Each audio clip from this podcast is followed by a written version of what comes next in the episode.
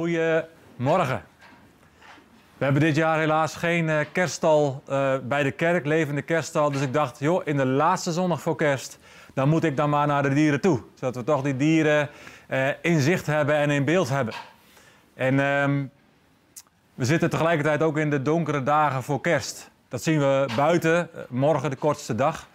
Um, maar we zien het ook, denk ik, als we ja, het nieuws aanzetten. Als we alles op ons in laten werken wat er dit jaar 2020 wel allemaal niet op ons is afgekomen. Terwijl we nu midden in een lockdown zitten. Um, er is zoveel ellende wereldwijd. Er is zoveel gedoe. Nog steeds zoveel oorlog. Maar ook zoveel gevolgen al van corona. Daar hebben we mee te maken. Het is, je zou kunnen zeggen, donker. En misschien ook wel in jouw persoonlijke leven te midden van de dingen waar we altijd dankbaar voor kunnen zijn, ja, kun je ook kan je het aanlopen tegen het feit dat het moeizaam is. In je relatie. Misschien wel in je gezondheid. Of door de crisis heen ook in je financiën of op andere gebieden. Je zegt van, pff, ik ervaar dat het veel is. Ik ervaar dat het zwaar is. En dan met de omstandigheden in de wereld, ja, kun je ook echt daar wel een beetje somber van worden. In die donkere dagen voor kerst. Maar we weten, na morgen wordt het langzamerhand weer meer en meer licht. Want weet je, wij zitten in de donkere dagen voor kerst. Uh, en natuurlijk staan we stil met kerst bij de geboorte van Jezus. Maar voor zijn geboorte was er niet sprake van de, de donkere dagen voor de geboorte van Jezus, maar de donkere jaren voor de geboorte van Jezus. Het, het was maar liefst 400 jaar stil. Sinds het laatste spreken van God in het Oude Testament was er 400 jaar lang geen woord, geen profetie, geen visioen. En in al die jaren en in die eeuwen zullen mensen zich ook hebben afgevraagd: maar waar is God? Waarom horen we niks van hem? Waarom zien we niks van hem? Waarom merken we niks van hem? Waarom grijpt God niet in? Want het is zo donker in onze wereld, het is zo donker in onze levens.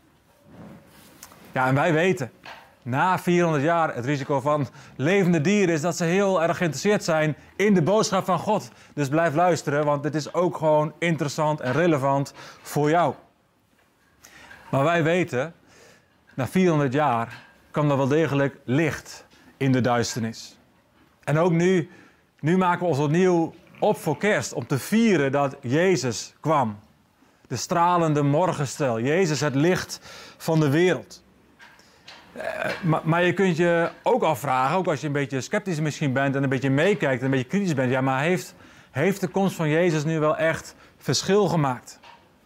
Want als Jezus daadwerkelijk de Messias is, en dat is wel een klacht van de Joden, als Jezus daadwerkelijk de Messias is, waarom is de wereld dan, ja, je zou kunnen zeggen, nog zo onverlost? Heeft het wel zin om jaar in, jaar uit kerst te vieren, om, om daarna maar weer over te gaan tot de orde van de dag. Als we zien dat er zoveel duisternis is en dat er zo weinig, ogenschijnlijk, zo weinig verlossing is. Maar dan zeggen wij, juist ook vlak voor kerst, te midden van de donkere dagen, jazeker. Het licht drong door in de duisternis toen en nu. En in die zin, het, meest treffender dan dat, dat mooie Groningse lied van Ede Staal kunnen we het ook niet zeggen. Het heeft nog nooit, nog nooit zo donker geweest, of het wordt altijd wel weer licht. Het Bijbelgedeelte waar ik graag met je induik, komt uit het Bijbelboek Rut. Rut is een bijzondere vrouw. Ze is een van de vijf vrouwen die we tegenkomen in het geslachtsregister van Jezus. Allemaal vrouwen met een verhaal. Dat zijn vrouwen met een verhaal, ja. En ik wil even de situatie van Rut schetsen. Er was uh, sprake van een grote hongersnood in de tijd van de richteren, hè, waar ook heel vaak de mensen deden wat goed was in eigen ogen. Was een hongersnood. En Elimelech, een Jood, besluit om uit Bethlehem, waar hij woonde, notabene dat heet broodhuis, hè, de letterlijke vertaling. Hij besluit om te vertrekken naar Moab, om, om daar uiteindelijk te vluchten voor de hongersnood. Een, vijandig land met een andere cultuur, met een andere godsdienst. Elimelech, wiens naam ook nota bene betekent, God is koning. Ja, blijkbaar niet, want hij moet vluchten naar een ander land om te voorzien in zijn levensonderhoud. Of hij vertrouwt misschien wel te weinig op het feit dat God koning is. Maar hij gaat samen met Naomi, zijn vrouw, en met zijn twee zonen. Zijn zonen trouwen daar met uh, Moabitische vrouwen, Orpa en Rut. Elimelech sterft al vrij snel. En, en na een jaar of tien sterven ook de twee zonen. En blijft Naomi alleen over met haar twee schoondochters, Rut en Orpa. En dan hoort Naomi, dus ergens klinkt dat getuigenis door, uh, dat God het volk Israël weer zegent en dat daar dus geen hongersnood meer is. En dan besluit zij om terug te gaan naar Israël, om terug te gaan naar Bethlehem. En, dan is dat het verhaal van Rut en Orpa, die ze uiteindelijk ook zeggen van joh, blijf hier, bouw hier aan je toekomst, je hoeft niet mee. Orpa die dat ook, daar ook naar luistert en in Moab blijft. Maar Rut, die dan uiteindelijk ook uh, zich eigenlijk letterlijk vastklampt aan Naomi. Er is sprake van zo'n intieme, intense ja, verbinding tussen die twee. Ja, als je kijkt in het Hebreeuws, dan kom je daar woorden tegen als dabak en geset. En, en het laatste woord betekent de verbondstrouw. Dat is ook de trouw, de verbondstrouw zoals tussen God en Israël. Maar dabak, daar heb je het over, over het aanklampen, maar ook aankleven, waar in Genesis 1 over gaat. Over het huwelijk tussen, tussen man en vrouw. Dat, dat zullen ze één zijn. Dabak. Zo, zo intens is de relatie tussen Rut en Naomi. En Rut besluit mee te gaan. En dan spreekt ze ja, die beroemde, zou je kunnen zeggen, woorden. In Rut 1, vers 11 en 12. Waar u gaat, zal ik gaan. Waar u slaapt, zal ik slapen. Uw volk is mijn volk. Uw God is mijn God. Waar u sterft, zal ook ik sterven. Waar, en daar zal ik begraven worden. De Heer is mijn getuige. Alleen de dood zal mij van u scheiden. En, en een hele bekende uitspraak geworden. Uw volk is mijn volk en uw God is mijn God. Maar toen ik daar even over na zat te denken de afgelopen dagen, toen kon ik me daar eigenlijk steeds minder bij voorstellen hoe Rut tot die uitspraak kwam. Want wat had zij eigenlijk gezien of geproefd van God? Ogenschijnlijk niet zoveel. Nou, als je even nagaat, ja, ze is getrouwd met een Joodse man, dus heeft via haar schoonfamilie natuurlijk de verhalen gehoord van de grote daden van God voor zijn volk Israël. Ja, maar tegelijkertijd, dat gezin moest vluchten vanwege hongersnood. Dus hoezo God zorgt voor zijn volk? Elimelech stierf. Haar zwager stierf. Haar man stierf. Hoezo God beschermt? En Naomi, Naomi was verbitterd geraakt. Omdat ze ja, ook geloofde dat God zich tegen haar gekeerd had. Dus die had echt geen groot, spetterend, positief getuigenis over wie God is. Dus, dus hoe kan dan Rut tot die uitspraak komen? Tot dat, eigenlijk ook vertrouwen in God. Uw God is mijn God. Ik krijg daar de vingers niet achter, maar blijkbaar heeft ze toch iets geproefd. Toch iets geloofd dat vertrouwen blijven stellen op die God. Dat het zal betekenen dat er uiteindelijk weer licht in de duisternis zal komen. En, en dat is wel even de vraag: is dat zo? Als we blijven vertrouwen op God, zal dan uiteindelijk altijd weer het licht doorbreken? Klopt het liedje van Ede Staal wel? Ik geloof dat het klopt. En ik geloof dat ook de rest van de geschiedenis van Rut, waar, ook Boas op het toneel komt, dat ook ons dat belangrijke ingrediënten kan geven in, hoe dan? Hoe doe je dat dan? En, en, hoe kan dan ook die verlossing die hier plaatsvindt, maar die ook verwijst naar grotere verlossing, hoe kan die ook heel concreet in jou en mijn leven, maar vooral ook door jou en mijn leven meer en meer gestalte krijgen? Zodat het ook meer en meer licht wordt, hier en nu. Ja, als, we, als we verder kijken in het verhaal van Naomi en Rut, dan, dan zien we dat ze uiteindelijk daadwerkelijk vertrekken en doorreizen. Dat ze aankomen in Bethlehem, dat ze worden ontvangen. Maar ja, ze hebben wel de status van weduwe en van vreemdeling. Dus uiteindelijk, wat doet Rut? Ze, ze is een hardwerkende vrouw. Uh, zij zoekt aren, hè, gerst, uh, aan de randen van de akkers. Want in de wet van Mozes stond dat als er geoogst werd, ja, dat je alles wat aan de randen viel, dat je dat moest laten liggen voor de armen en voor de vreemdelingen. Uh, en daar maakt Rut gebruik van. en toevallig is uh, actief uh, rond de akkers van Boas. Uh, hoe toevallig weet hebben, want dat is een familielid van Elimelech en dus van Naomi. En uh, hij kan, ook volgens de wet van Mozes, optreden als losser. Uh, voor ja, Rut, maar eigenlijk voor haar man die overleden is. Hij zou de naam van haar man kunnen laten voortbestaan. En, en Naomi verzint een plan en, en, eh, een mooie liefdesgeschiedenis op de dorsvloer, zou je kunnen zeggen. Maar het gaat ook wel precies weer volgens de gebruiken van toen. En uiteindelijk vraagt Rut of Boas haar wil verlossen, met haar wil trouwen. En Boas zegt ja. Er is alleen nog één obstakel. Er is een ander die, die nog dichterbij staat in de familielijn en die eigenlijk meer recht heeft om ook het land wat nog van Elimelech heeft te kopen. En dus gaat Boas naar de stadspoort. En daar uh, ziet hij de oudste van, de, van het volk, van de stad. En uh, hij gaat daar in gesprek, want hij wil zaken doen. En daar is ook die andere man die voorbij komt. En Boas speelt dat wel slim. Want hij stelt die andere man de vraag van... joh, wil jij het land van Elimelech kopen? Ja, dat wil de man wel. Dat is wel interessant. Meer land, meer bezit. Maar dan komt daar nog een aanvullende vraag. Joh, dat betekent ook dat je moet trouwen met Rut. Zodat ook de naam van haar man en de familie van Elimelech kan voortbestaan. Oh, wacht even. Dan wordt het wat ingewikkeld. En dat wil de man niet. Want dat kostte misschien wel te veel op de lange termijn. Dat betekent dat hij afhaakt. En dat Boas ook in de gelegenheid is om daadwerkelijk ja te zeggen tegen de vraag van Rut. Dus Boas doet dat. Hij neemt Rut tot vrouw. En dan spreken de oudsten de volgende zegenbeden uit. In Rut 4, vers 11 tot 17. Dan zeggen ze: De Heer geven dat de vrouw die in uw huis komt zal zijn als Rachel en Lea. Die beide het huis van Israël groot hebben gemaakt. Zodat u ook groot zult zijn in Efrata en uw naam in Bethlehem zal voortbestaan. Mogen uw huis worden als het huis van Peres, de zoon van Tamar en Juda, ook een vrouw uit de geslachtsregister van Jezus. En wel door de kinderen die de Heer u bij deze jonge vrouw zal geven. Daarna nam Boas Rut bij zich. Zij werd zijn vrouw. En hij sliep met haar. En de Heer is het enige moment dat we God actief bezig zien. Er wordt wel veel over gesproken, maar hier zien we God daadwerkelijk actief handelend optreden. De Heer liet haar zwanger worden. De Heer gaf zwangerschap. En ze baden een zoon. En de vrouwen zeiden tegen Naomi: Geprezen zij de Heer, die jou vandaag iemand gegeven heeft die voor je zorgen zal.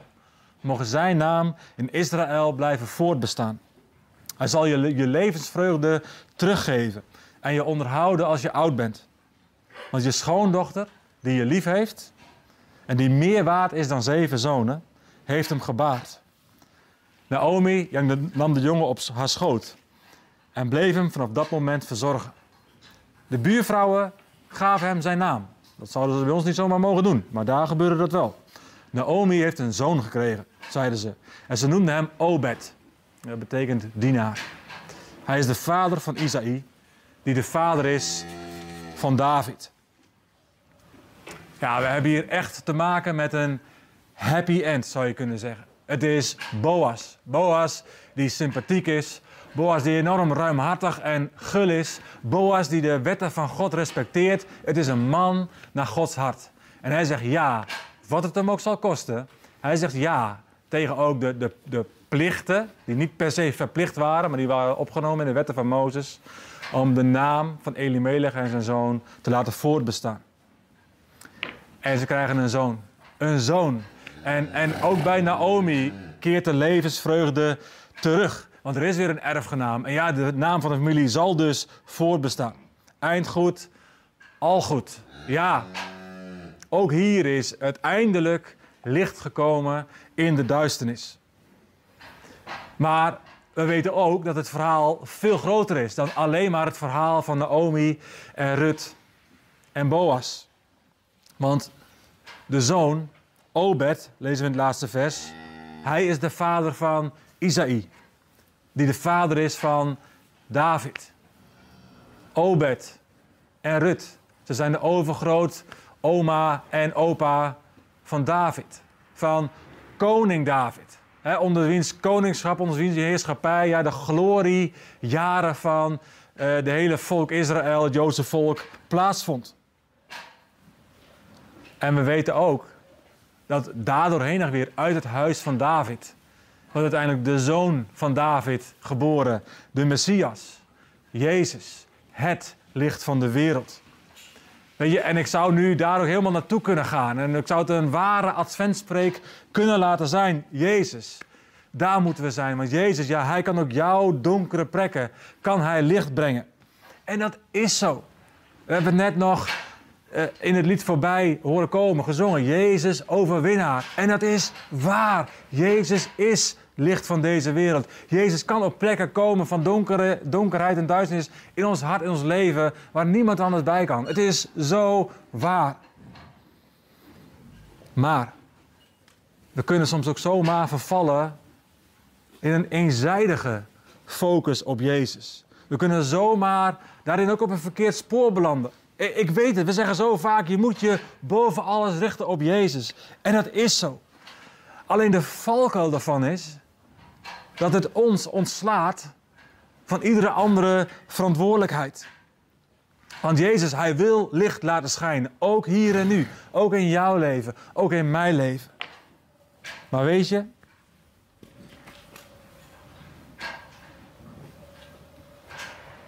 Hij wil dat vooral doen door jou en door mij heen. Wij samen, wij mogen het licht van deze wereld zijn. Wij, wij zijn samen het lichaam van Christus op aarde. Het is de bedoeling dat ook verlossing steeds opnieuw plaatsvindt via onze handen, via onze voeten, via onze mond, via onze oren die luisteren. Jezus wil dat zo graag. En daarom wil ik in het laatste stukje niet de focus leggen op Jezus, maar op Boas. Die weliswaar ook in zijn rol als losser een type is van Jezus, een voorafschaduwing is van Jezus en van zijn grote verlossingswerk. Maar ik wil eerst noemen op Boas en op de man zonder naam. Boas en de man zonder naam. Dat is een opvallend detail waar je heel makkelijk overheen leest in dit boek. Maar als het gaat om dat losserschap, ja, dat was juist bedoeld voor het voortbestaan van de naam. En, en dan komt daar dinges. Ja, dinges. Die man zonder naam. Die, die het niet waard is om zijn naam genoemd te krijgen in deze geschiedenis. Hij mag geen naam hebben. Want hij kiest voor zichzelf.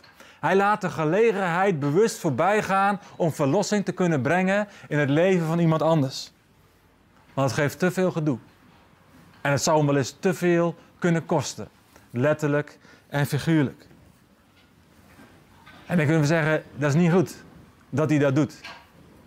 Maar misschien is het ook wel een beetje herkenbaar. Je, het vraagt om bewuste keuzes in, in onze levens om niet net als dinges te zijn. Als die man zonder naam. Want ook ons kan het soms zomaar te veel kosten. Om daadwerkelijk van betekenis te zijn voor een ander. En dan kijk ik naar Boas. Boas maakt die keuze wel. Hij maakt de keuze, wat het hem ook kost, om de ander vrij te komen. Om de ander een stukje verlossing te bieden. En weet je, het is zo mooi. En misschien is wel de ware adventspreek dat jij en ik stukjes verlossing kunnen en stukjes verlossing mogen brengen in de levens van anderen. Door trouw te zijn en trouw te blijven. Door een luisterend oor te bieden voor iemand die het gewoon zwaar heeft. En die überhaupt misschien wel weinig luisterende oren om zich heen heeft. Juist ook in deze dagen. Het kan niet zo zijn dat, dat er alleengaanden in onze gemeente zijn. Ja, die met kerst dan ook maar het alleen moeten zien te redden. Wie verlost onze broers en zussen daarin? Uit alleenheid, wat soms ook gepaard gaat met eenzaamheid. Misschien kun je een stukje verlossen door uit de overvloed die jij misschien wel hebt, financieel voor iemand in de bres te gaan staan die het op dit moment loodzwaar heeft. En weet je, er zijn zoveel andere manieren om kleine stukjes verlossing te brengen in levens van anderen. Door woorden van leven te spreken. Door misschien wel samen duisternis te ontmaskeren. In levens, in harten. Want soms vraagt het ook om bekering. Om duisternis ook achter te kunnen laten. Het kost wat om in de rol te stappen als losser. En toch zijn jij en ik, we zijn bedoeld als lossers, als verlossers. Oh, en ik wil je vragen, ben je beschikbaar om een kanaal van verlossing te zijn in deze donkere wereld? En ik wil graag dat je daarover nadenkt. En, ik hoop dat je dat doet ook samen met anderen. En ik heb drie vragen die er ook over gaan. En, en, waar ik graag ook wil dat je over nadenkt, maar ook over naspreekt. En, en, dat het ook gewoon iets mag uitwerken en doorwerken in onze levens. In ons leven als lichaam van Christus, als gemeente. En de eerste vraag is hoe en bij wie kun jij een stukje verlossing brengen? In verdriet, in pijn, in financiën of in hele andere problemen of worstelingen waar jij misschien wel weet van hebt. En waar jij degene bent die misschien wel verlossing kan brengen. De tweede vraag is, misschien is voor jou niet de rol van losser weggelegd, maar ben jij degene die juist een stukje verlossing nodig hebt? Welke hulpvraag heb je? En aan wie zou jij jouw hulpvraag kunnen stellen? En de derde vraag gaat meer over eigenlijk de rol van Naomi in dit verhaal. Misschien zit er bij jou wel iets voor om om hulp te kunnen vragen of om hulp te kunnen geven en iemand te verlossen. Kan het zo zijn dat er in jouw hart stukjes teleurstelling zitten? Stukjes bitterheid misschien wel. Omdat God. Gaat goed hè? Ja, omdat God ogenschijnlijk niet betrokken lijkt op jouw leven. Omdat je denkt het is donker.